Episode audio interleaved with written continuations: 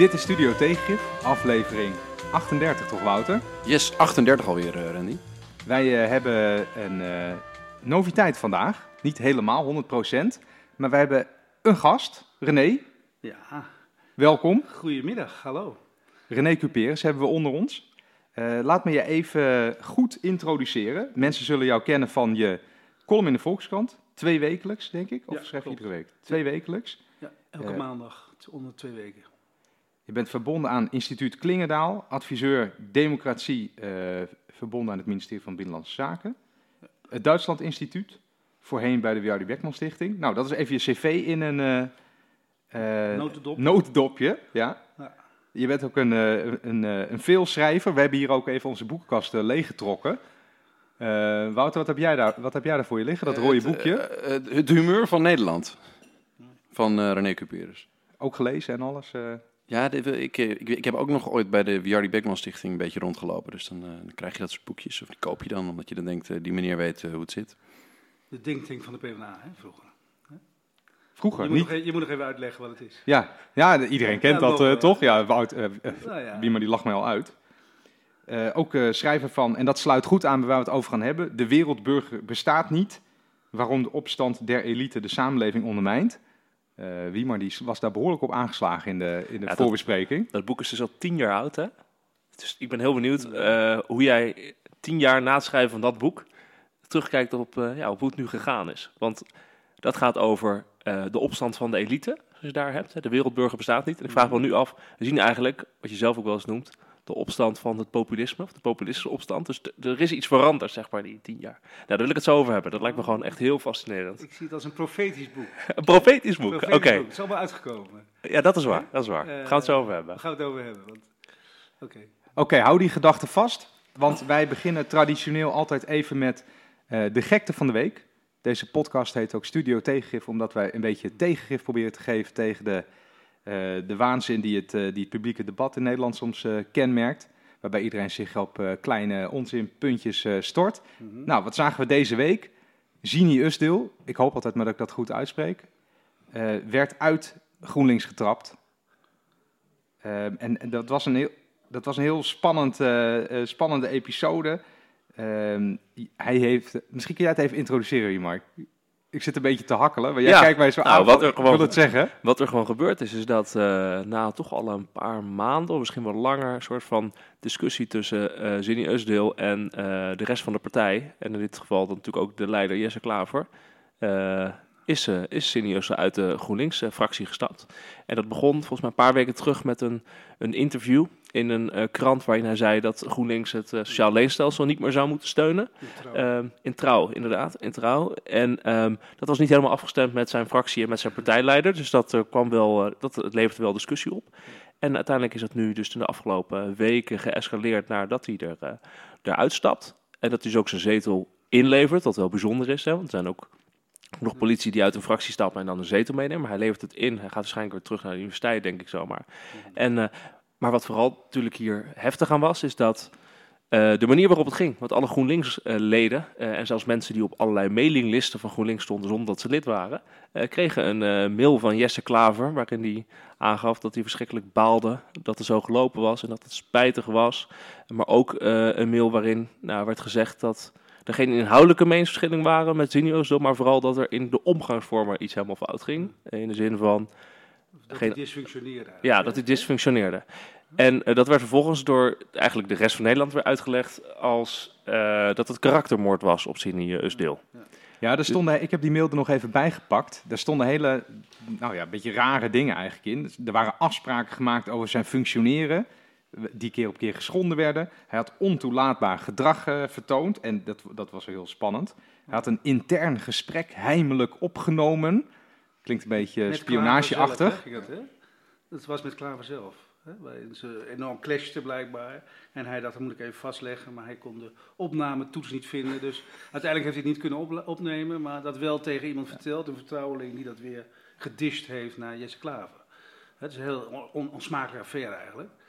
Het, het meest interessante is natuurlijk dat een vrijdenker... Want ik vond Sini Usdeel vond ik heel interessant. hè. Ja. Vond ik ook voor Ja. een totaal witte partij, GroenLinks. Hè, die is veel te wit eigenlijk voor een partij die zo multicultureel wil zijn. Die hebben dan een van de leukste allochtone scribenten van Nederland hadden ze binnengehaald. was ik eigenlijk best jaloers op. Dat GroenLinks die eh, gestrikt had. Eh, hebben hem binnengehaald vanwege zijn vrije opvattingen over integratie en over politiek. En die sneuvelt dan toch in zo'n fractiediscipline sfeer. Dat vind ik toch wel heel... Ik ben, het eens eigenlijk met die analyses die allemaal in de kranten nu verschijnen. Dat de Tweede Kamer geen plek meer is voor vrijdenkers. Maar was dat vroeger wel? Want dat dacht ik dus, toen ik dit allemaal las. Ah, Dat je dan in de kranten ziet, nou, er is geen plek meer voor vrijdenkers. Er is zoveel zo'n vrijdenker die stopt. En dan denk ik, maar was dat vroeger dan wel zo? Dat je in de Tweede Kamer allemaal vrijdenkers had zitten? Nou, kon dat ja, toen? Ja, dat je, de, de mensen als Maarten van Traa, hè, je moet er vrij ver teruggaan. Mhm. Toen de, partij, toen de middenpartijen nog zeker van hun zaak waren en vaste electoraten hadden. Daar heeft het natuurlijk mee te maken. Mhm. Als je een vast electoraat hebt, dan kun je veel meer voorloven. Dan kun je ook tegengas voorloven. Hè, mensen als Arie Duivenstein, eh, hoe heet onze professor uit eh, Rick... eh, Rick van der Ploeg. Rick van der Ploeg, Mariette van Zuilen, allemaal dat soort types. Nou, die liepen niet aan de band van Ad Melkert of van Jacques Wallage. Of, dus dat soort mensen hadden gewoon eigen opvattingen, kwamen ook met eigen posities in zo'n fractie binnen. En hadden ook veel conflict daardoor, maar die, daar waren er wel veel meer van dan tegenwoordig. En die werden ook niet ehm gekild bij nieuwe lijstvaststellingen. Of, Nou, soms ook wel. Paul Kolma is bijvoorbeeld een voorbeeld ervan, die te veel tegengestemd had en na één periode weer uitgedonderd is. Ja, maar wat mij dus heel erg opvalt, is dat... Heel, heel, heel kunst heb je. Ja, maar dat waren dus... Je hebt nu vooral over PvdA-kamerleden Ja, die, die uitgestapt beste, die ik het zijn die of, eh, of eh gekild zijn, zoals genoemd. Maar dat was vaak dat, eh, eh, of na of tijdens een periode dat de PvdA in de coalitie zat. Dus in de regering zat en dus ook fractiediscipline was, eh, zeg maar met de, de, de coalitiepartij. En het, wat ik opmerkelijk vind hier is dat GroenLinks zit in, is gewoon oppositiepartij. Ja, ja. Ze zijn niet gebonden aan het regeringsbeleid. ze, de- en toch krijgen ze het zo ver dat ze dus iemand die vrijdenkt uit hun fractie zetten. Dat vind ik wel echt heel opmerkelijk dat als een oppositiepartij doet. Ja, ik snap, dat, ik snap dat niet. Volgens mij de hele aantrekkingskracht van GroenLinks is dat zij wat frisser waren en een ander soort partij. Eh, ik denk dat veel jonge mensen daarom, eh, daarop afkwamen.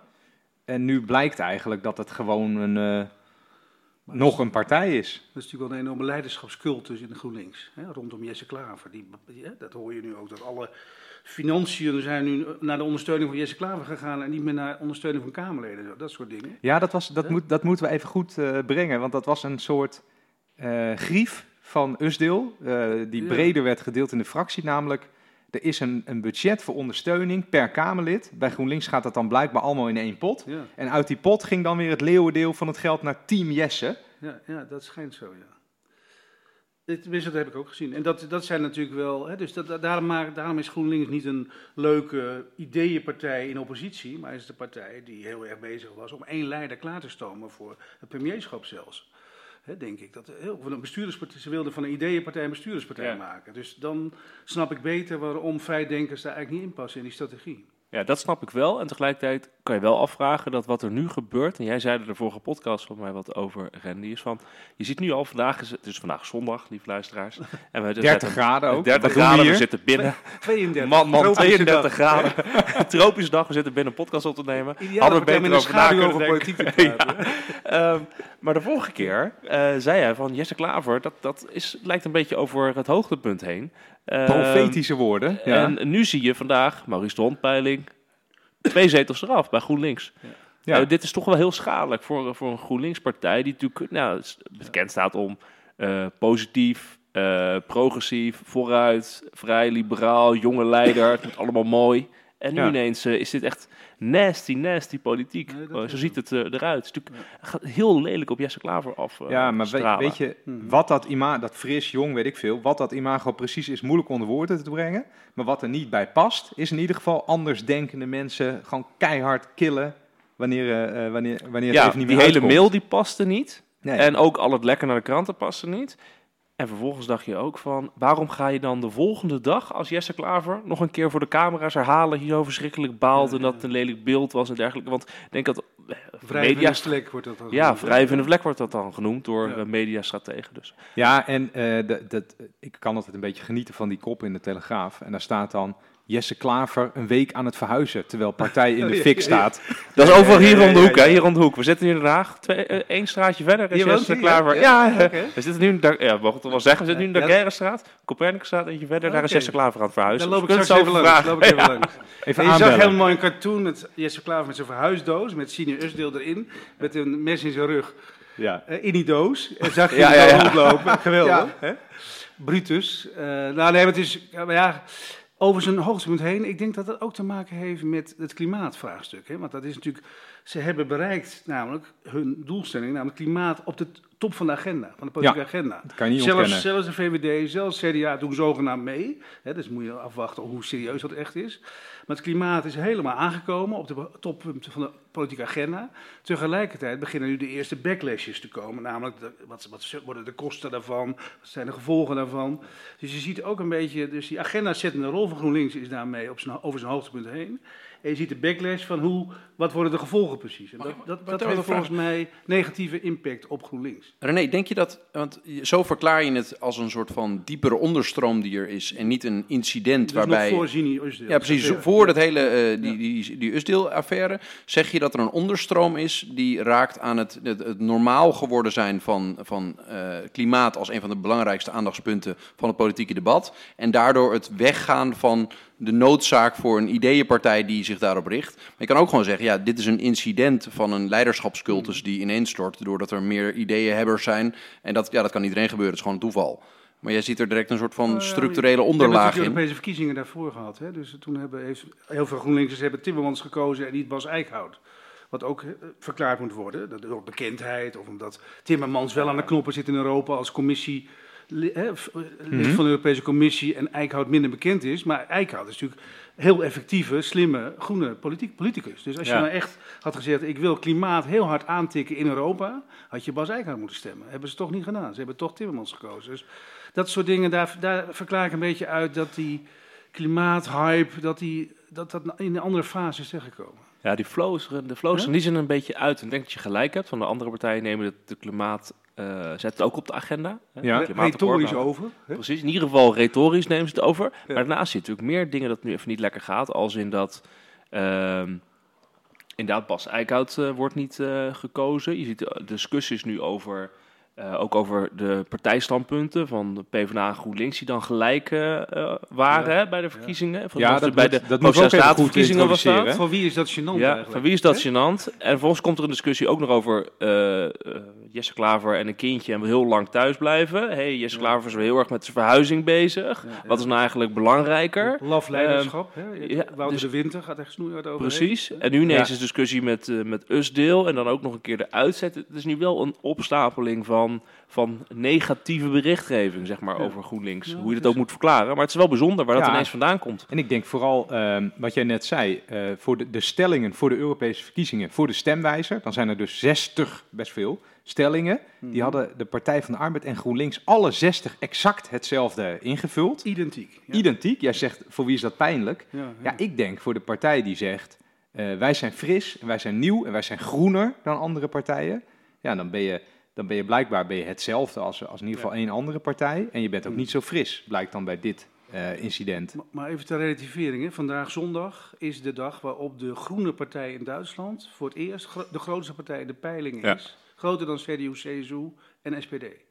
Dus dat relativeert wel weer een beetje het verhaal dat groen over zou zijn. In Duitsland is het dus hegemoniaal. Zijn zij vergelijkbaar? Hoe vergelijkbaar zijn zij? Nou, nou, nee, het is daar veel meer een...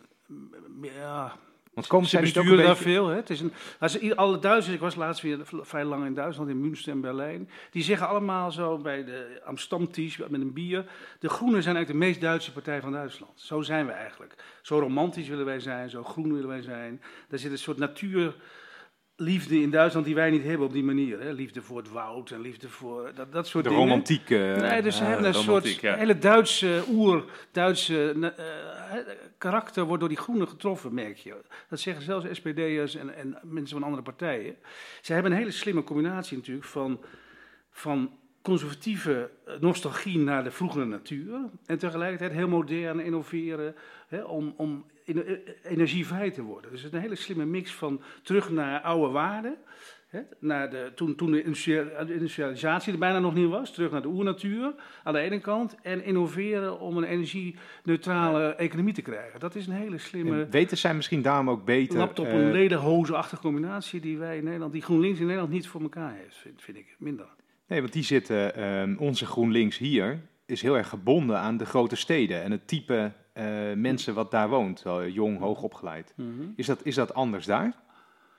Nou, dat is wel iets anders. Je hebt in Baden-Württemberg bijvoorbeeld, hè, dat is een van de meest succesvolle deelstaten van Duitsland, naast Beieren liggend, met allemaal hypermoderne industrie. Dat, die wordt, dat wordt al is, eh, jarenlang bestuurd door een groene Kretschmann, hè, de, een, een groene president van het Bundesland. En dat is dus meer een conservatieve burgerlijke politicus dan een jonge hippie of een hipster. Hè, dus zij hebben een soort mix van co- conservatief burgerdom in combinatie met hipsters. Want ik was in Berlijn vorige week, in Prenzlauer Berg. Dat is 100% groen. En daar zit je alleen maar tussen de veganisten en tussen de vegetariërs. Hè. Dat is ook GroenLinks. Of dat is ook de groene. Maar ze hebben een combinatie met ook de burgerlijke krachten in Duitsland die wij niet hebben. Wat wel leuk is, we hebben het eerder in onze podcast wel eens over gehad. En dat is eigenlijk het mogelijk aanstaande huwelijk tussen de eh, traditionele conservatieve of christendemocratische stromingen en de groenen. En dat dat mogelijk een soort wederopstanding kan zijn. Of van de christendemocraten, of ehm, een daadwerkelijke eh, bonton of normaal worden van de groene stromingen. En wat je nu beschrijft, is dat het in Duitsland misschien al tijden aan de gang is dat ehm, eh, groenen en, en traditionele conservatieve eh, krachten zich verenigd hebben ehm, en, en normaal zijn geworden. Maar hey, als je het hebt, ja, ik, ik vind het wel mooi hoe jij een soort volksaard kan beschrijven, of een, ja, misschien een soort onderstromen in de samenleving, of humeur van de samenleving. Op grond van wat ik van Duitsers hoor. Hè. Ja, ja. Nee, ik, ik, ik heb een tijd, ik heb een half jaar in Duitsland gewoond en ik herken wel redelijk wat je, wat je beschrijft, hoe dat normaal. Ik heb ook het gevoel dat daar een soort van afkeer van te harde sensatie of eh persoonscultussen eh, misschien wel in meespeelt. Zou dat, zou dat kunnen? Nou, dat geldt vooral voor de. Hè. Dat, dat is ook, ook niet toevallig dat dat altijd vrouwelijke kandidaten zijn. Hè. Men zoekt naar soft power van Duitsland in Europa. Hè, dus Merkel, nu opgevolgd door die AKK. Het is geen toeval dat er geen enorme macho politi- politici op afkomen. Op die leiderschapsrol van Duitsland in Europa, die is natuurlijk heel, heel ingewikkeld. Hè. Tegelijkertijd is kritiek dat Duitsland te weinig leiderschap laat zien.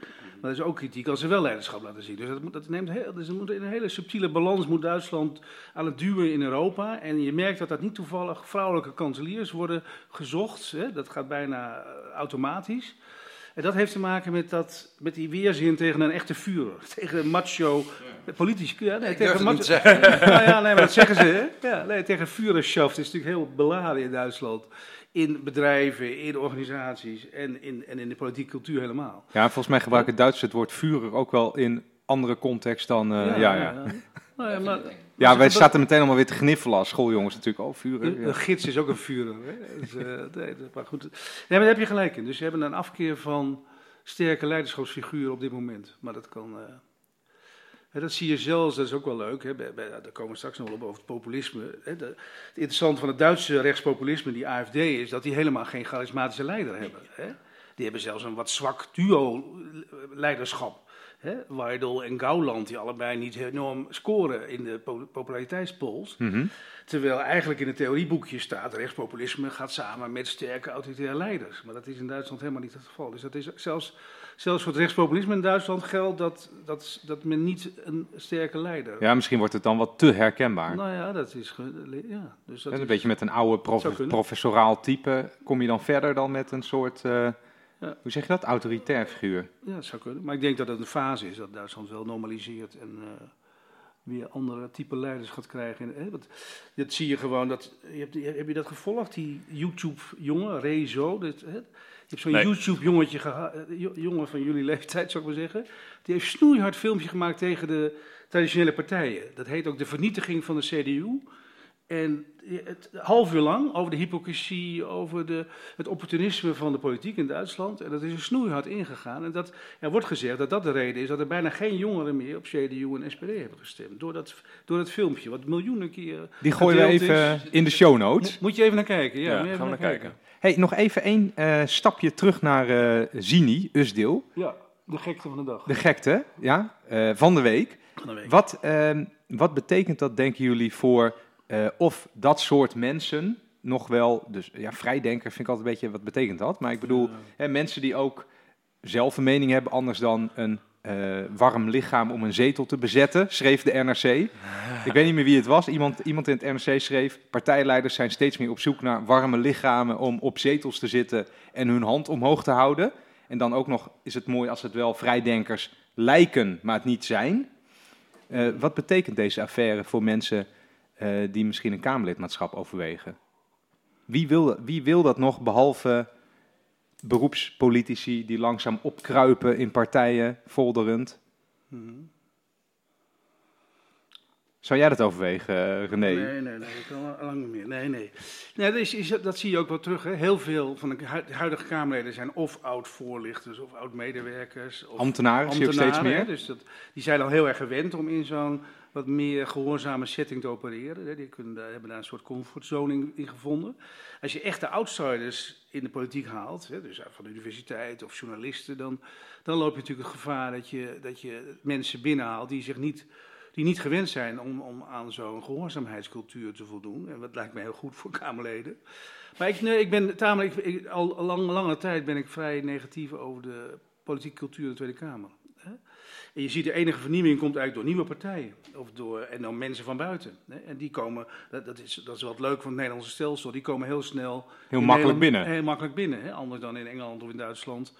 Hè, dus de, van, Thierry Baudet tot en met eh, de, de, de, Partij van de Dieren. Je hebt nergens dat soort partijen bijna. Die zo Misschien is snel- dit eh, ons bruggetje. Wij zoeken altijd eh, heel geforceerd een bruggetje tussen de gekte en het hoofdonderwerp. Oké. Misschien is het leuk om even te introduceren hoe we eh, op het idee kwamen om jou uit te nodigen. Eh, ik was een boek aan het lezen, The Road to Somewhere van David Goodhart. Dat is blijkbaar een goede vriend van jou, want ehm, in, in hoofdstuk 3 kom jij, ja, er wordt al gegniffeld hier, kom jij ter sprake. Jullie zitten in een bar in Amsterdam.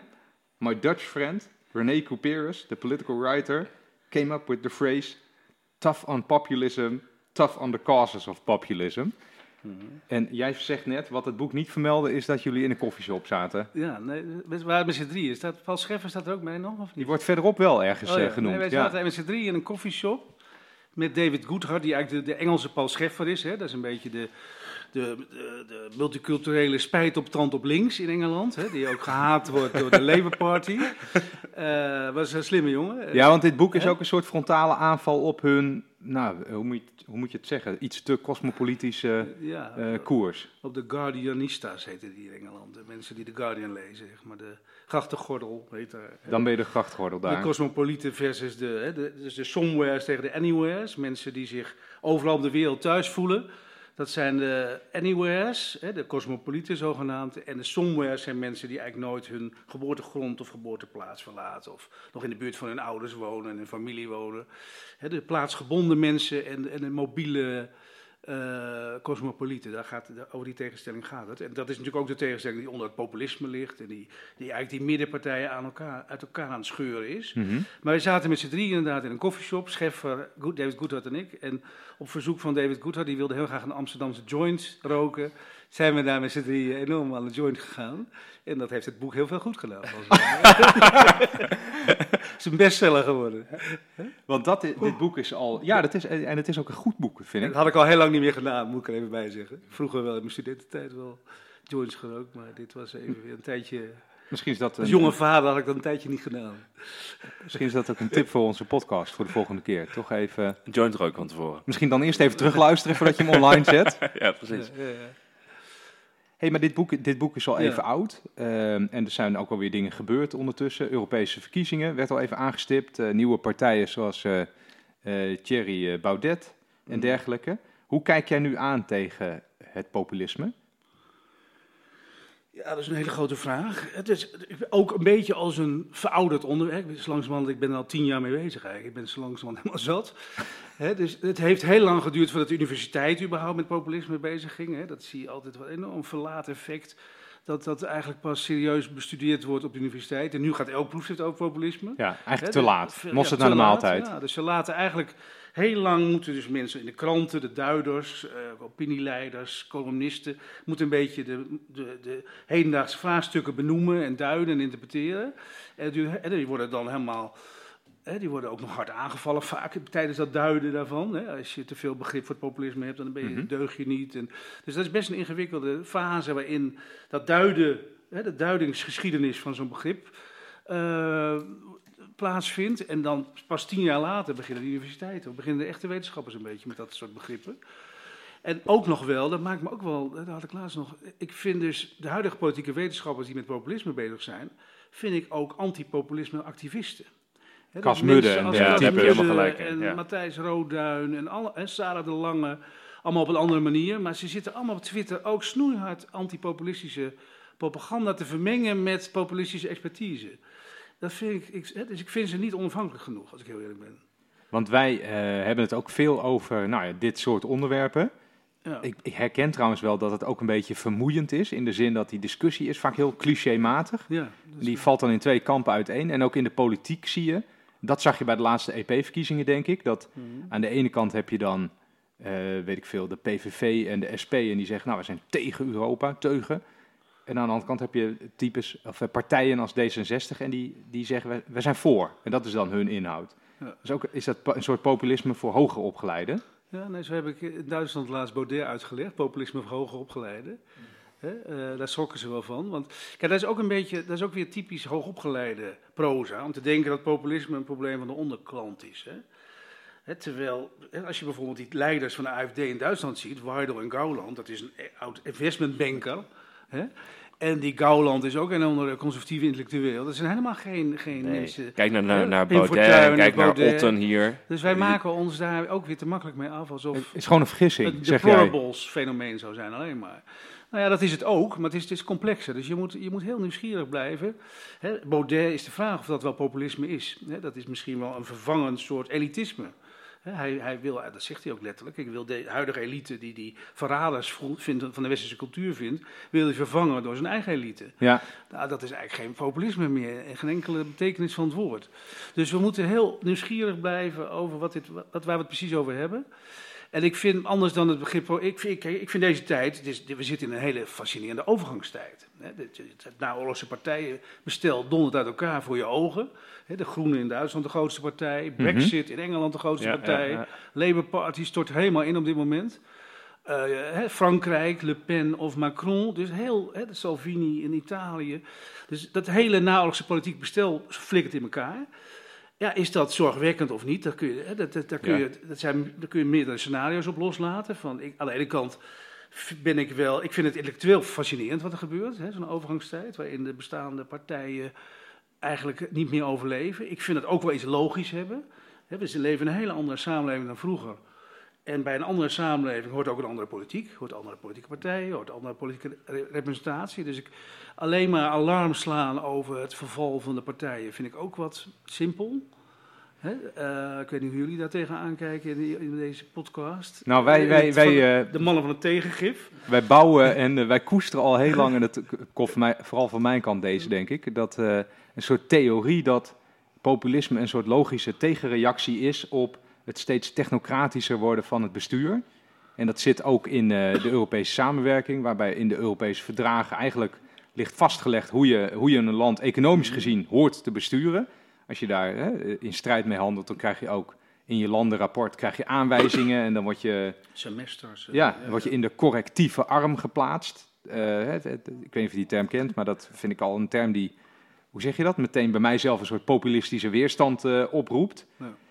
Eh, ja, en alles ligt zo vast al, eh, en ook al wel op nationaal niveau, dat misschien die, die, die oude partijen niet meer zo nodig zijn, want Ja, wat zij vinden ligt al vast in. Dus jij hebt er ook over geschreven. Nee, je hebt wel gezegd van het, het Europees project is een heilig project. Je hebt ook gezegd het is een eliteproject. Dus je zit, ik vind, soms zit hij wel een beetje op, eh, op een lijn. Ik zag een interview van twee jaar eh, terug eh, van jou met Sibinia, een gesprek. En Mhm. daarin zei jij, dat vond ik fascinerend, zei van... Ja, we zijn nu eigenlijk in de tijd, misschien is het de overgangstijd... maar de tijd dat er een heel fundamenteel democratisch probleem is... dat we nu zien, namelijk dat de meerderheid van de bevolking... wijst eigenlijk nu de koers van onze samenleving af. Mhm. En eh, we zien nu een soort tegenreactie daarop... met de populistische partijen, mensen die niet gaan stemmen... En hoe, hoe kijk je daar nu ja, hoe kijk je Ja, daar tegenaan? Waar gaan we dan nu naartoe? Dat is een oud citaat, maar daar kan ik nog heel goed in vinden volgens mij. Nee, Goed dat- citaat ook, hè? Ja. Dat is waar we het in het begin... Die elite die in opstand komt, hè, van, van het Wereldburgerboek, dat gaat hierover. Hè. Dus wij, Ja. hè, er wordt wel gezegd, de elite, hè, de, de huidige politici hebben geen visie en zo, die zijn visieloos. Maar dat is helemaal niet waar. Er is een hele duidelijke toekomstkoers ingezet de afgelopen decennia richting Europese integratie, Ja. richting globalisering, naar de kenniseconomie, naar open grenzen, naar migratie, naar klimaataanpassing. Allemaal, het is een heel duidelijk programma eigenlijk van de, van de beleidsmakende elites.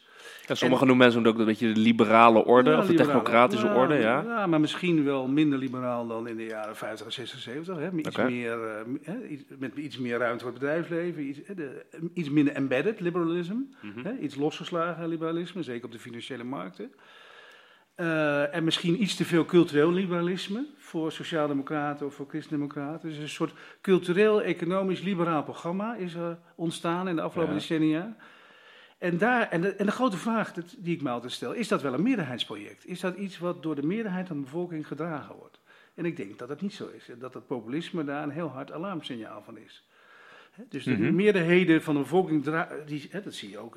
In de Kamer is laatst een motie aangenomen tegen een ever closer union door een meerderheid van de Kamer. Daar wordt dan heel lachwekkend over gedaan in mijn kringen. Maar dat is wel een teken van dat, dat, dat, dat, dat daar een wrijving zit tussen die koers die ingezet is de afgelopen decennia en, en de meerderheden van de bevolking. Het populisme bemiddelt, daar, zit in die kloof, zit, in die, zit de kloten in die, in, die, in die scheidslijn tussen de meerderheid van de bevolking en wat culturele en economische elites hebben nagestreefd in de afgelopen periode. En de grote, mijn grootste zorg is eigenlijk, wat ik, ik, het, de magic van Noordwest-Europa is dat wij een middenklasse samenleving zijn. Hè, dat is uniek in de wereld, heb je nergens. hè. Zo'n zo'n zo'n brede middenklasse, die tamelijk egalitair, eh, eh, tamelijk egalitair is, eh, met heel veel onderling vertrouwen. Vertrouwen in belasting, eh, belastingsystemen, belast, vertrouwen in politici. Dat zie je eigenlijk nergens op de wereld. Hè. Ik kom vrij vaak op de Balkan of in Oost-Europa of andere plekken. Daar is daar is de politiek corrupt. De, de gemiddelde politieke partij in- in Europa of in de wereld is corrupt. Politici zijn eigenlijk bijna altijd corrupt. Behalve Ja, ja. in Noordwest-Europa. Nee, maar dat, dat is Ja, onderschat niet hoe uniek dat is. Het is een En- uniek goed. en we zijn bezig om dat enorm te ondermijnen of onder druk te zetten. En dat populisme is daar ook een reactie op. Hoe, hoe Hè? definieer je precies dat ondermijnen en onder druk zetten? Want ik, ik, ik, ik volg al een tijdje wat je hier en daar opschrijft. En die, die kritiek op de bestaande politieke partijen, die eigenlijk ideologisch een beetje lui zijn geworden, dat, dat zie ik vaak. Of, of zelfs het bestaansrecht van bepaalde eh, bewegingen eh, als, als vertegenwoordiging van wat de, de middenklasse zou willen. Verdedigen hun eigen erfenis niet goed. Nou, het zijn meer een soort van doelen geworden en niet middelen om een bepaalde maatschappelijke ideologie eh, eh, ergens in te vatten. Ja. Ehm, maar eh, zie je een soort van manier om dat te gaan kanaliseren? Of leidt dit tot een soort clash? Is het onvermijdelijk wat we nu zien gebeuren, dat er nieuwe mensen opkomen die misschien wel de boel in de brand willen zetten? Of die, die eh, eh, vertolken dat het helemaal mis is? Is dit nodig om, om het politieke midden weer geloofwaardigheid te geven? Dat ze zich af kunnen zetten tegen mensen aan de randen van het spectrum die opkomen om eh, een heel nieuw plan te vertegenwoordigen? Ja, ik, ik zie populisme meer als reactie dan als actie. Ik zie populisme juist als een reactie op een samenleving die in, in, jouw woorden in brand staat. Hè, of die ondermijnd wordt. Hè, waar, waar, wat, de midden, wat wij als elites of als middenpartijen, of jullie noemen dat geloof ik het radicale midden, waar ik niet zo van hou van die term, dat vind ik een contradictio in terminis. Nee, wij zeiden net voordat Het midden je... moet nooit Nee, nee, nee, radicaal wij- zijn. Wij, wij noemen dat... Wij, wij, Zoom Kotsen noemde, werd ja, al genoemd. Hij vindt ja. dat een verschrikkelijke Oh, dat is jullie term. En het is een, van nee, eh, wij zijn heel erg benieuwd wat jij vindt van, Oh, het, ja. van het radicale midden. Want eh, als het aan mij ligt, kan die term niet. Nee. Je kan niet in het midden zitten en radicaal zijn. Daar had ik laatst En- een column over. En zo. het is inderdaad Ja. een vraag van, ja precies, en het is een Ja. vraag van, oké, eh, we zijn ook een beetje een bedenkend eh, van, van oké, er is eh, eh, populisme is een reactie op, zeg maar, de bestaande partijen en hoe ze zich de afgelopen 20, 30 jaar eh, gedragen hebben. Dat is een begrijpelijke reactie, ook populisme zal hier dus blijven. Maar wat zou je dan nu moeten doen om, ehm stel je voor je bent geen populist, ehm, en je bent zeg maar een eh, middenpartij, of je bent een redelijke van het redelijke, wa- wa- wa- wat moet je dan doen? Wat moet je dan doen? Wat zijn de causes die je moet eh, Ah, en- tegenwerken? Kijk, in algemene zin, even voordat ik. eh, Want jullie zijn echt de ambtenaren die van beleid houden, volgens mij. Dus, daar- dus daar komen we wel op. Is wel zo.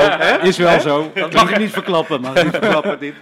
Nee, kijk, waar, wat, wat, waar, wij, waar het midden, waar de, het establishment, waar ik mezelf ook maar toe reken dan, het intellectu- intellectuele establishment plus het politieke establishment niet toe in staat is, is om toekomstzekerheid te bieden aan mensen. Hè? Vooral aan de lage middenklasse. Hè? En dat is het meest fundamentele.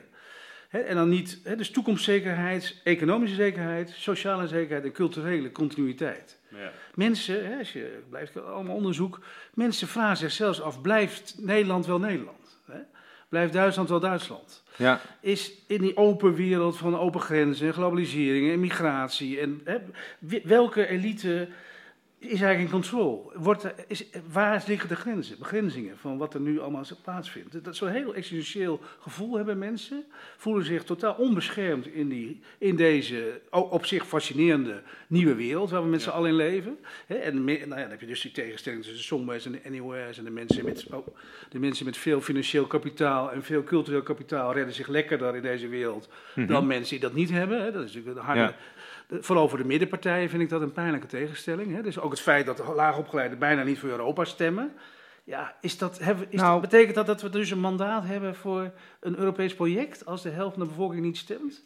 En ook nog eens niet een willekeurige... Ja, meer dan de helft van de bevolking stemt niet. Nou, Wij nu stemden was er maar 40 procent. In ieder geval in 41 Nederland. Ja, hadden we, 41 procent. Maar zie je, zal je vooral zien dat, dat 41% zeker bij de in laagopgeleiden, die halen die 40 procent niet. Nee, Daar is nee. veel groter, eh, veel kleiner Nou, gedeelte wat wel stemt. ik wil wel even inhaken. op dat- toch- maar wat is dan je mandaat voor een lekker ambitieus Europa-project? Als dat zo zwak Ja, jij zegt eigenlijk van het is, eh, de, het is eigenlijk eh, een beetje de, de, het establishment zelf wat stemt. voor het grootste gedeelte. In de zin van ehm, De vooral midden- en hoogopgeleiden die stemmen vooral. En die geven daar een mandaat voor vervolgens politici en hun ambtenaren om in Europa allerlei dingen te gaan doen. Waarvan je je afvraagt, ja, is, wordt het wel gedragen door de, door de Ja. meerderheid van de bevolking? Ja, dat is het een net hele terechte vraag. We hadden het net een beetje over migratie. En voordat eh, we op play eh, of op record eh, drukten, hadden we het over het aantal Oost-Europese arbeidsmigranten in Den Haag hier bijvoorbeeld. Ja. Eh, en Wouter, jij zei dat, dat zijn er eh 50.000 in, Ja, in de regio Den Haag, ja. Nou, dat, officiële statistieken. Dat is een stad, hè? Ja. Ja, de, de, de, de- 50.000. Is het, nee, maar een stad in een stad. ja het, eh, hè? wat wil je daarmee zeggen, Randy? nou, ik snap dan ergens ook wel dat eh, als jij in eh, de wijken woont waar deze mensen eh, gehuisvest worden, vaak eh, met 10, 15 in één appartementje. Je moet je voorstellen, daar liggen gewoon de matrassen of de, hè, de stapelbedden staan daar. En verder staat er waarschijnlijk nog een tafel en een stoel en eh, dat is het dan.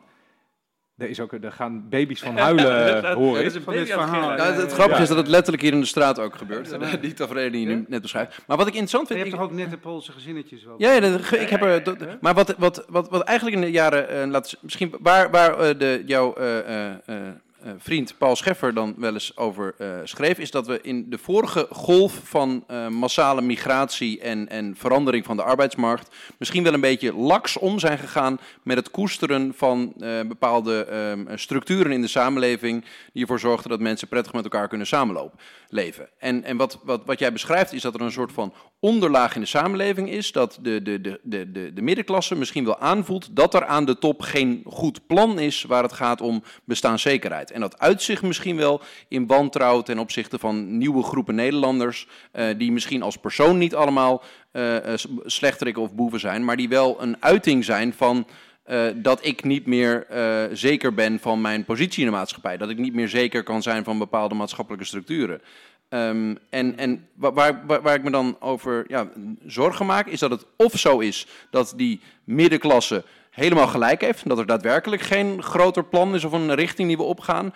Of dat er gewoon een soort van tussenfase is waar tot er iemand opstaat of, of de elite zich beseft... joh, we, we, we hebben een, een, een koers nodig en daarin moeten we iedereen van overtuigen.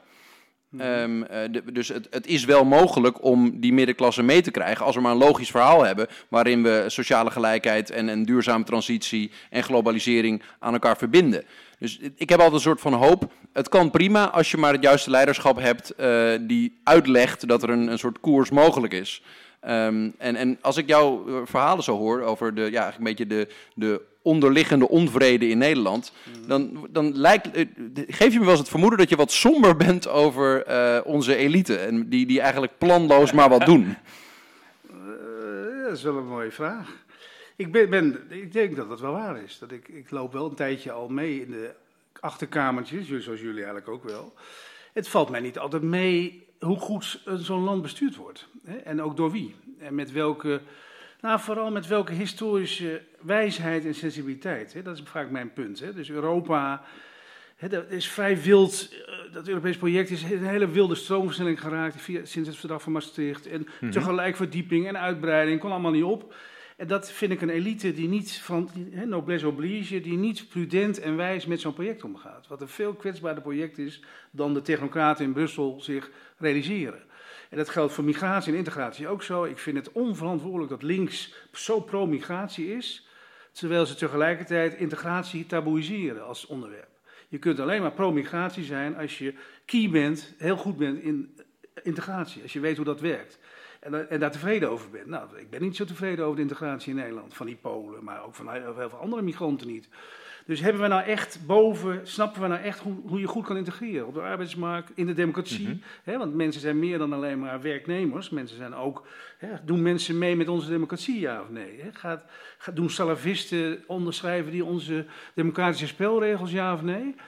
Eh, zo, if, if not, hoeveel kun je daar dan van hebben in een democratie? Hè? De mensen die eigenlijk je democratie afwijzen. Nou, ik, Dus er zitten hele, hele grote vragen, zelfs in het integratievraagstuk, wat iedereen ook doodvermoeiend begint te vinden inmiddels. Hè. Dat is bijna, hè, daar mag je bijna niet meer over beginnen. Terwijl daar zit nog steeds een enorme zorg bij mensen. Zie Baudet, zie het populisme everywhere.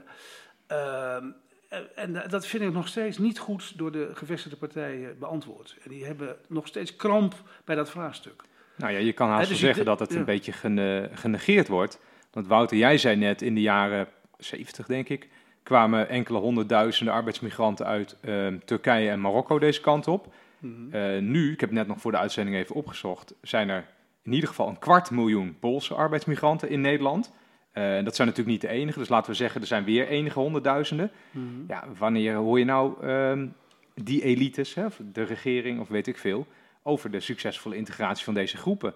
Er weer wordt gedacht, die mensen gaan wel weg, eh, maar die mensen gaan Of- denk of ik niet gaat weg. vanzelf Ja. goed. Ja, of- het gaat vanzelf goed. Ik denk niet, niet dat er gedacht wordt, eh, de mensen gaan vanzelf weer weg. Maar er wordt ook niet nagedacht, oké, stel je voor ze blijven hier, wat moeten we dan doen? Ja, er Eh, is in kijk, ieder geval geen plan. Nee, er is geen plan. Dus eh, wat moeten we doen met onderwijs? Wat moeten we doen met huisvesting? Wat moeten we doen met arbeid? Wat moeten we doen met inderdaad integratie, taal leren? Ja, het, wordt dit, het, het is een beetje een, pro- ja, een probleem wat je op je af ziet Ja, komen. En wat ik me afvraag, hoe ste- je, hebt een, je bent de burger, je hebt een stem en er zijn verschillende verkiezingen, Europees en landelijk en weet ik veel. Hoe stem je zodat er minder arbeidsmigratie komt hier? Dat kan eigenlijk niet. En, eh, Ja, dat hebben mensen ook opgegeven. In de zin van, als je nu kijkt naar de Europese verkiezingen, de partijen die zeggen willen eh, minder eh, Europese integratie, willen Ja. dus zorgen dat er minder migratie is. SP, eh, ook trouwens PVV, Forum van Ja. Democratie, ja. die halen gewoon heel weinig zetels. Ja, mensen geloven dat er ook niet in dat dat, Ja. dat dat zin heeft. En ik denk dat ze ja, daar precies. terecht horen. Want ik vind dat, het, Ja. nog even, want je had over een heilig project Europa. Ik vind dat zelf altijd met het idee van, in Europa heb je van de, de- een paar heilige uitspraken zoals eh, eh, vrij verkeer van, eh, van, van mensen, arbeiders en dergelijke. Ja. Ik denk van, ja, je kan het wel de hele tijd zeggen, dat het vrij verkeer is, dat het onze waarde is, dat is prima. Maar je moet ook nadenken over de consequenties daarvan. En wat je dan moet doen als Europa om die Ja, en ik denk consequenties... vooral als je dat niet eh, wil, goed. hoe regel je dat dan? Want waarom zou je op de SP stemmen als de SP geen enkel plan of idee of capaciteit heeft om wat ze zeggen ook waar te maken? Nee, we praten over twee verschillende dingen. Want je hebt aan de ene kant de partijen die zeggen van we willen minder migratie, geen, eh, de grenzen weer dichter, zeg maar. Maar Ja. daar stemmen mensen niet meer op, want die denken die gaan het toch niet redden Nee, lukt in Europa. Lukt toch niet. En aan de andere kant heb je de, de pro-Europese partijen die gewoon alleen maar zeggen, eh, heilige verklaring, vrij verkeer. eh, en vervolgens niet willen nadenken over ja, hoe zorgen we dat dat goed landt in al die lidstaten. Maar dat wordt ook wel een discussie. spelregels. Hè? Hoe, hoe dwing je faire spelregels af? En mensen zijn tast ook in duister daarover. Van hoeveel rechten hebben nou die arbeidsmigranten precies in Nederland of in Duitsland en zo. Er, er lopen allemaal zaken bij het Hof, Europees Hof. Hè, er kunnen opeens Roemeense Roemenen kunnen dan wel kinderbijslag meenemen naar Roemenië. Allemaal dat soort dingen heb je dan. Of, de, Ja. of ze mogen een eh, IV beroep doen daarop. Dat zijn hele onfaire, door mensen als unfair gevoelde spelregels. En dat had Europa eigenlijk klaar moeten hebben voordat je vijf personen, personenverkeer afroept. Ja, dan moet je het stelsel Ja. voor elkaar hebben. Dat zijn we nu allemaal achteraf nog een beetje aan het repareren. En zelfs dat, daarvoor zijn geen meerderheden in Europa. Nou ja, wij zijn de ontvangende kant, maar je ziet ook Ja. dat die landen waar eh, mensen vandaan komen, Ja, ja, ja. die lopen totaal leeg totale brain drain. Totale brain drain. Dat dat was wel wel, dat had ik als vraag. Ik denk van, er komt nu een nieuwe Europese Commissie. De verkiezingen zijn geweest. Je zegt, nou oké, de uitslag, dit is wel een beetje volgens mij wat je ervan verwachtte, zeg maar. De, de, de uitslag zoals we nu hebben gezien.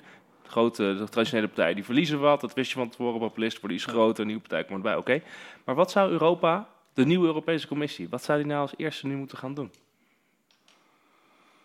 Nou, ik ben altijd. Ik vind niet dat de Europese Commissie aan zet is. Ik, vind, ik ben meer van de Europese Raad. Oké, wat moet de Europese Raad dan nu Nou, nee, maar ik, eerste doen? ik, wat ik, een van de dingen die ik had op willen schrijven in een column. Ik was dus wel onder indruk van al die parades van die rechtspopulisten. Hè, die steeds bij elkaar komen in Milaan. hè, Mhm. Wilders op het podium met Salvini. Dus allemaal pogingen om tot samenwerking te komen. Hè. De, de internationale van de nationalisten is dat, hè? heel Ja, curieus. heel raar. Die Ja. hebben bijna ja, betere precies. contacten inmiddels dan die oude partijen, vreemd genoeg. En ik miste dus op Europees raadsniveau, waar is het plan van de Europese regeringsleiders? Om tegemoet te komen aan, hè, dat blijkt nu weer uit deze verkiezingen. Iedereen zei, dit is een erop of erond onder verkiezing. Nou, dat is, zo essentieel was het niet helemaal. Maar er liggen hele duidelijke zorgen en een soort burgeragenda onder Europa. Men wil dat er iets met klimaat gebeurt. Men wil de buitengrenzen echt afgrendelen. Allemaal helemaal niet gelukt nog. Hè?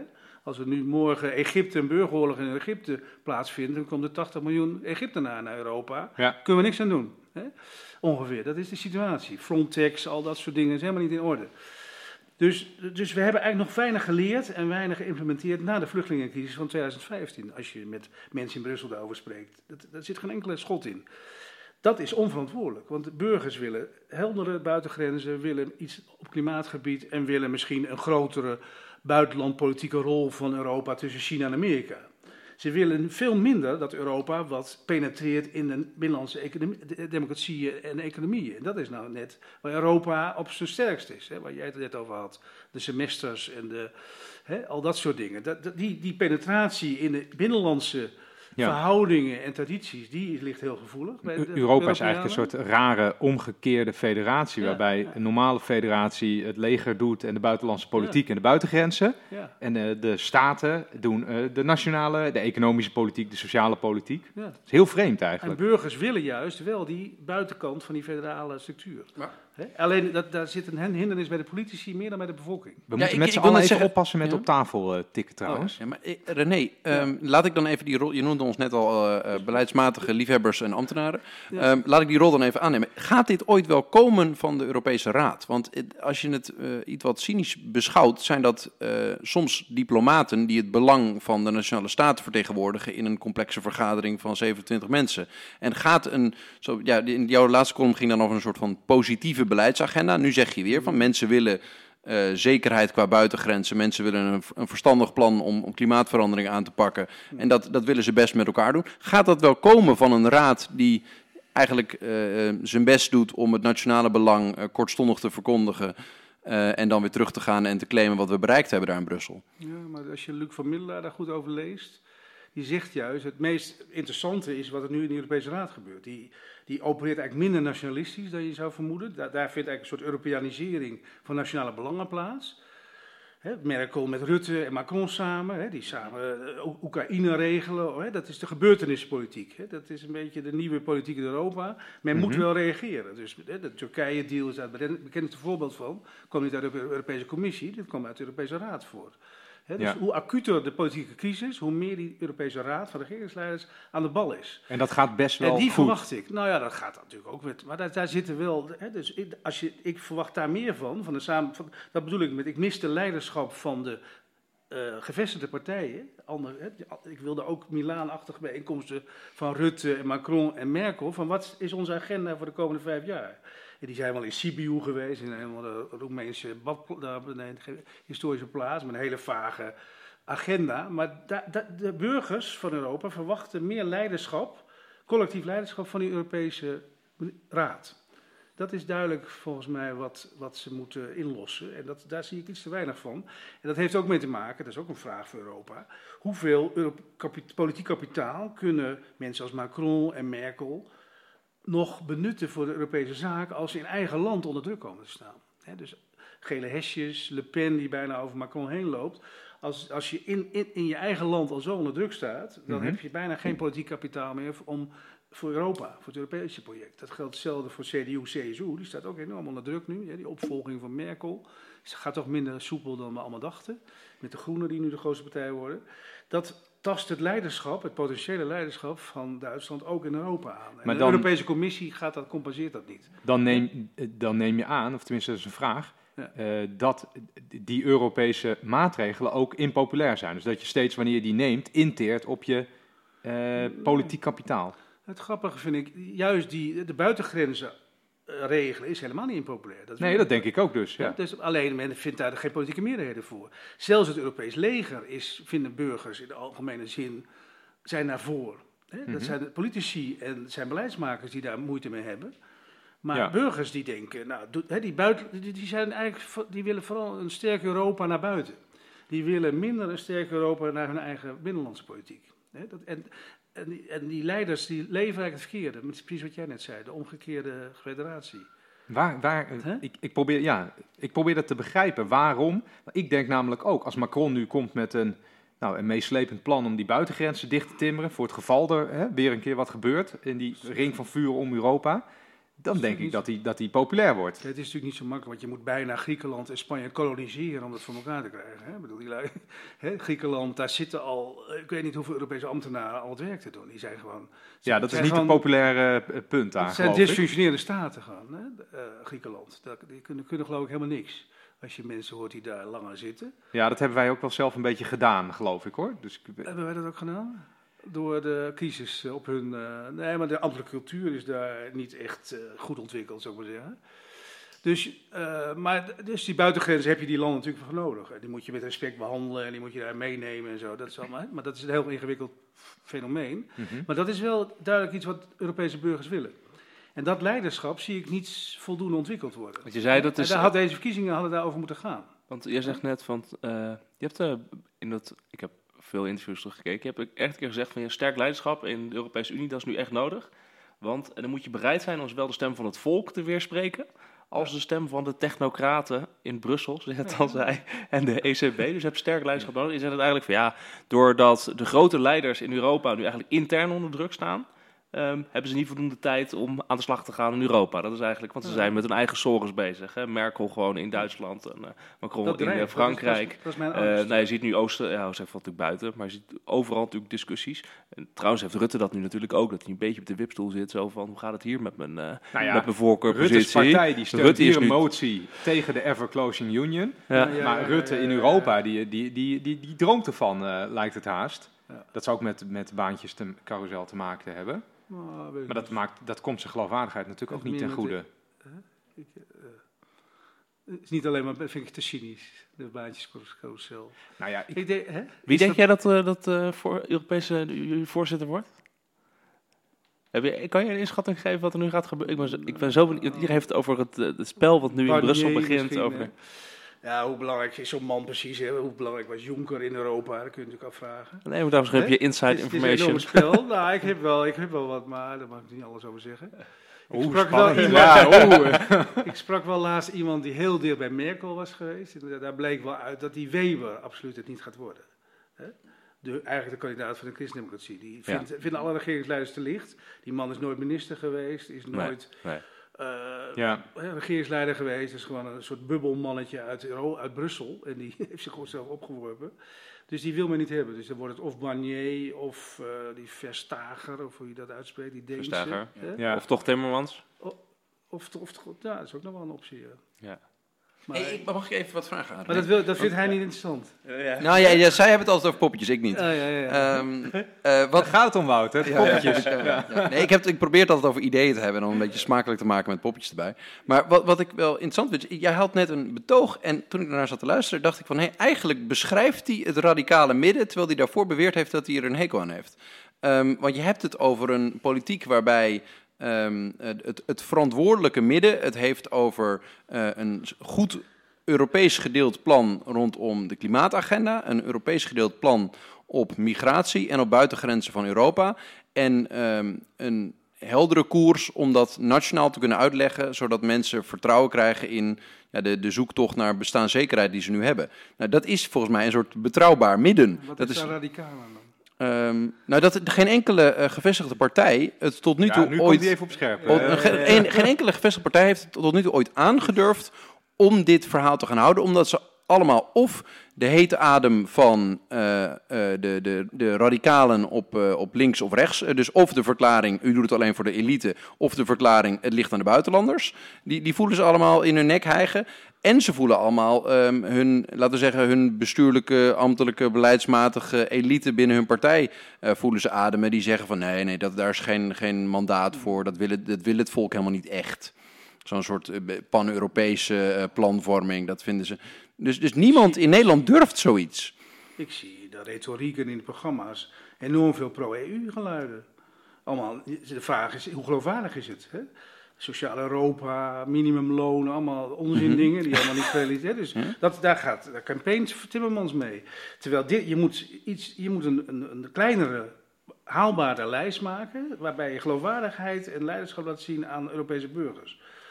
Dus, dus migratie, klimaat en eh, buitengrenzen. Als je daar iets op laat zien, gewoon, de democratie moet leveren, wil die geloofwaardig zijn. En Europa laten wij nog zien. Wil te, is veel overambitieus en levert eigenlijk, het is eigenlijk vooral een talking circus in Brussel. Hè. Er wordt heel weinig Mhm. eigenlijk gepresteerd. Hè. Nou, re- re- relatief op dit soort grote thema's is het echt... Ja, op de kleine thema's is het heel effectief. Eh, op het eh, je beleid rondom, eh, weet ik veel, stofzuigers of komkommers, Ik- dat ik kennen we allemaal. veel bij de permanente vertegenwoordiging de afgelopen tijd, toen ik bij BZ zat. Nou ja, dat wil je niet weten. Je wordt- komt steeds euro's cynischer terug uit Brussel. Hè? Hoe vaak je dat heb ik ook iedere keer. Ja, hoe meer je er ook over weet, hoe eh je sceptischer je wordt. van de Griekse ambtenaren bij de commissie. Die gooien elk plan wat tegen Griekenland is, eh, direct de papierversnipperaar in. Dat bereikt Athene nooit. Weet je dat is het, hè? Echt waar. ja. En de Fransen die trekken zich ook nergens wat. Weet je, wel. dus dat daar word je heel cynisch van hoe dan in Brussel inderdaad die nationale belangen totaal prevaleren boven het Europese algemeen belang. Dus moet je dat heel zichtbaar, door, als door leiders van buiten, moeten dat een keer laten zien. Maar is het ook niet een beetje... En, Want jij, en ik ben het niet met je eens, want ik vind juist de eh, retoriek veel te pro-Europees. Ongeloofwaardig pro-Europees. Kijk, de, de slo- slogan van de SPD in Duitsland. Europa is die antwoord. ja, dat- Weet je wel, op alles. Hè? inhoudsloos Je eigenlijk. zult maar een Hartz IV-ontvanger in, in Gelsenkirchen zijn. Europa is de antwoord. Hoezo? Waarop? Hè? Dus dat, die zijn dus ook nu ongeveer de suicidale slogan, vind ik dat. Hè? Suicidale politiek. Maar is dat dan, want jij zei, eh jou- jouw boek uit 2009, Dus de je wereldburger bestaat niet en Ja. de, opstand van de, van de elite, zeg maar. Je, zegt, je zei net, dat is een profetisch boek. Ja, dat vind ik wel mooi dat je dat gewoon zegt over je eigen boek. maar eh, maar ehm, eh, is het dan, wat je dan nu ziet, die hele pro-Europese taal door, de, door de, de, de middenpartijen, is dat dan een uitkomst, wat je had verwacht? Nou, dat hoort nog steeds bij die eh, Bij de de wereldburger-idee. van elite. Ja, dat Ja. is hè. Dus, kijk, Europa is natuurlijk een vaag fenomeen. Hè? Ja. Kijk, wij zouden er niet eens samen, zouden wij samen iets met België willen doen. Een minister van Financiën delen. Nee. Nou, niet met eh, Wallonië erbij. Nee, nee, nee. Ik heb vandaag gehoord, Nee, nee, nee, dat wil je niet. Nee. Nee, maar dus, hè, dus dat op zo'n zo'n klein, concreet niveau, hè, zelfs tussen Wallonië en Vlaanderen gaat het eigenlijk al nauwelijks. Het delen van solidariteit en soliditeit. Maar als je zegt Europa, dan is opeens, omdat het zo vaag is, is en onbegrensd is, eh, zegt iedereen ja. Totdat je realiseert hoe ver die integratie gaat. En hoe ver wil je gaan in het... In het hè, of, je, of je moet het in, helemaal in de technocratie stoppen, in de ECB of in de... Ja. Hè, dat is natuurlijk wat er gebeurt. Dat is ook wel iets, hoe chaotischer de politiek is en hoe gefragmenteerder de politiek raakt, hoe meer je ziet dat bestuurders alles wegplaatsen naar. Technocratie. Ik kom veel bestuurders Maar dus nu dat zou dan nu meer moeten gaan gebeuren, Ja, want dat het Europees parlement is nog versnipperder geworden. Ja. De laatste verkiezingen. Het zou betekenen dat er nog meer eh, via eh, nou, zeg maar technocratische dat agenda en procedures eh, wordt eh Maar dat geregeld. krijg je, want de technocratie marcheert wel altijd door. Hè? Je kan ervan vinden wat je vindt. Ja, ze, Maar de, ze werken ja, gewoon maar, door. de, maar de technocratie, om maar zo te, als, als dat bestaat, de, de Europese technocratie Zeker. is natuurlijk behoorlijk een pro-Europees. is behoorlijk Ja, pro-Europees. Dus het gaat dan Ja. niet de kant op wat je zou Maar- willen. Vanuit democratisch perspectief. Maar het is, kijk, volgens mij is is een drie, drie eh, wedstrijd met drie eh, spelers gaan. Jullie hebben technocraten en populisten, maar je hebt ook antipopulisten. Dus de groenen, en de, hè, dat, dat is eigenlijk de nieuwe tegenstelling. De nieuwe conflictlijn is, ben je, heb je iets met klimaat of heb je iets met islam? Hè, dat is bijna, ik ken bijna geen mensen die zich zorgen maken over allebei. Hè? Eh, dat ben ik zelf ongeveer, maar dat is erg impopulair om in groene kringen je over de islam op te winden. Daar maak je je druk over de islamofoben. Hè, dat soort rare Mhm. framing, hè, van, van agenda-zettende framing, waar om hele clustervorming plaatsvindt, is, is heel merkwaardig. Het is een soort maar- stammenstrijd. Of Dus zit daar ook een belangentegenstelling bijna. eh, Nou, tussen? Maar het is- Lifestyle bijna. Ja, Dat is lifestyle, dat is Lifestyle, identiteitspolitiek. Als jij op de universiteit nu een verhaal, een college houdt, allemaal, iedereen is groen, links of Baudet, 10%. Hè? En dat is conformistische groeps, groepstribalisme. En die zijn allemaal pro-EU, maar ze hebben, vinden Europa het meest saaie onderwerp wat er is. Ze weten ook niks van Europa. Europese politiek, nobody cares. Hè, Erasmusbeursje, dat is het enige Europa wat ze tegenkomen. maar in jou, even, nog En, even, en, en ze zijn dus pro-EU vanwege Ja. een identiteitsstatement tegen het populisme. Ja, dat Tegen- hoor, je, dat hoor je te vinden dat- in ja, die kringen. dus maar dan zeg jij dus eigenlijk, van 2009 was je boek van eh, opstand van de elite. En eigenlijk verwacht je dan, er komt een populistische reactie op, die hebben we nu gezien. En je zegt eigenlijk op die populistische actie komt weer, eigenlijk nu heb je al twee reacties genoemd, in ieder geval een soort groene tegenreactie, zeg maar. Dus van de, de lifestyle van we zijn voor EU, voor klimaat. Dus ik, ik weet niet hoe we die En stromen moeten noemen. Maar ook, je zei ook Baudet, elitarisme. Misschien is dat dan wel een...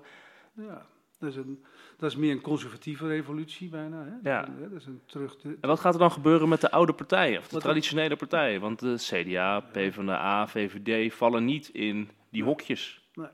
Wat, wat, wat, wat gaat er met die partijen gebeuren dan? niet, zoveel goeds. niet zo Wat- wat- kan ik je ontlokken uit te leggen wat niet zoveel goed is? Nou, ik denk niet. dat- Nou ja, dus, kijk, het zijn ook de partijen van je opa. Hè? Het zijn de partijen van je. Nee, maar het zijn de partijen van je ouders en van je grootouders. Dat, dat merk je bij jongeren. Die zeggen van ja.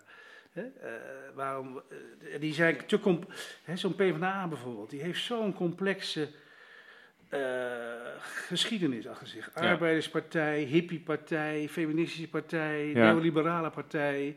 Hè, dat zijn te veel labels nog bijna om geloofwaardig te Dat zijn. hebben we vaker besproken zijn. in de podcast. Zeiden van, ja, de, de, de hele Hoe vaak kun je... geschiedenis die je nog met je meedraagt Ja. als traditionele partij. Van moet je niet een keer een soort schone lei Ja, hebben. wat een ballast. want het, is gewoon, het wordt een last na een het- tijdje. ja, dat en jij, jij gebruikt een woord in, in een van jouw columns eh, laatst. Een En dat- gebrek aan daar mis levens... Wat is daar mis aan om zo'n partij te...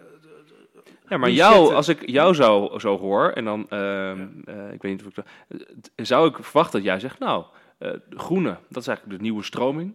Ehm, dus zou de PvdA en GroenLinks samen, zou heel logisch zijn. Maak een nieuwe groene partij in Nederland. Ja, maar wie maar, dan heb je toch nog veel meer beladen en ingewikkelde historie. Als je ik, probeer fuseren. even, ik ben gewoon benieuwd wat, wat René hiervan vindt. Oh ja, pardon. Ja.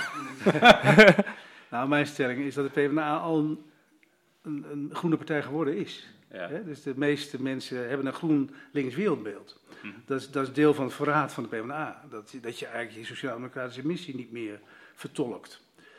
Daar is niks, op zich niks mee. Het zijn vaak de kinderen en de kleinkinderen van de arbeiders en van de lage middenklasse. Maar ze hebben het feit dat GroenLinks en PvdA identiek uit die test kwamen, is natuurlijk een heel slecht teken voor beide partijen. Hè, GroenLinks en PvdA zijn nooit identiek geweest in de geschiedenis. Mhm. Nooit.